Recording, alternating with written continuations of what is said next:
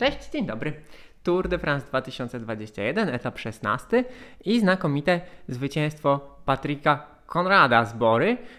No i wcale nie tak łatwy dzień, jak e, mogłoby się wydawać. Ja nazywam się Marek Tyniec i codziennie wieczorem komentuję dla Was najważniejsze wydarzenia na Wielkiej Pętli. E, zależnie od tego, kiedy włączyliście relację, e, mogliście stwierdzić, że e, to jest albo zapowiada się rewelacyjny dzień epicki w ogóle, albo że w ogóle o co chodzi. Przede wszystkim znowu zacznę od docenienia zwycięzcy etapowego, uciekiniera i uciekinierów. E, Patrick Konrad znakomitym atakiem na ostatnim dużym podjeździe e, zapewnił sobie zwycięstwo. E, solidnie się obronił na deszczowych, mokrych, wymagających zjazdach i na płaskiej końcówce dojeździe do mety. Znakomicie pojechał Sony Colbrelli. Naprawdę co ten w sumie sprinter, tak? Wyprawia w górach, no to budzi podziw i trwogę. E, Michael Matthews z kolei odrobił całkiem sporo punktów do Marka Cavendisha w klasyfikacji punktowej. E, Cavendish znowu się obronił, przyjechał w limicie czasu.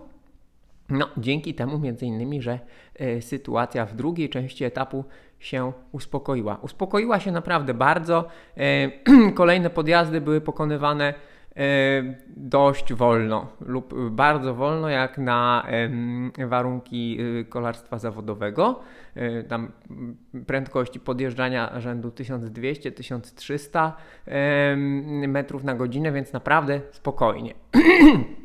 Natomiast E, były no, ciężkie warunki pracy, dzisiaj zimno. E, kolarze ustalili, że po zjeździe prowadzącym od startu e, będą mieli, zneutralizowanym zresztą będą mieli chwilę czasu, żeby się przebrać, ogrzać. No i potem, potem zaczęło się ściganie, tam Michał Kwiatkowski również atakował, nie wiadomo czy po, po etap może miał taki plan ewentualnie, czy to było jakieś szersze rozwiązanie dla Karapaza, nie wiadomo, w każdym razie ostatecznie nic z tego nie wyszło. No i sytuacja sytuacja się uspokoiła i druga część etapu była, była faktycznie spokojna. Ta ucieczka dnia, e, kiedy się już ukonstytuowała, no jechała w, w przyzwoitym tempie, no i ten atak Konrada, taki, taki fajny rajd dobrego górala, no i zasłużone zwycięstwo.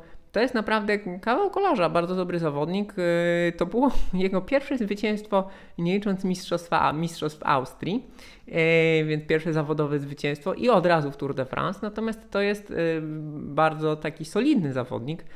Dwa miejsca w pierwszej dziesiątce Giro d'Italia, miejsca w pierwszych dziesiątkach tygodniowych etapówek, trzecie miejsce w Tour de Suisse, bardzo dobre wyniki w górzystych klasykach, w San Sebastian, w walońskiej strzale, Natomiast czegoś brakowało. Warto podkreślić, że jest to kolejny bardzo dobry wyścig e, całego zespołu Bora Hansgrohe, mimo że już nie jedzie Peter Sagan. To jest ich tutaj drugie zwycięstwo etapowe, ale oni naprawdę mają świetny sezon, bo Sagan wygrał etap na Giro i koszulkę e, cyklamenową, czyli klasyfikację punktową, e, powygrywał etapy na mniejszych etapówkach, znaczy mniejszych, na World Tourowych, tak, ale w sensie tygodniowych.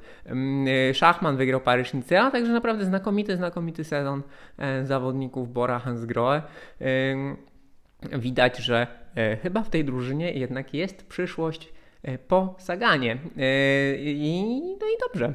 Dobrze, radzą sobie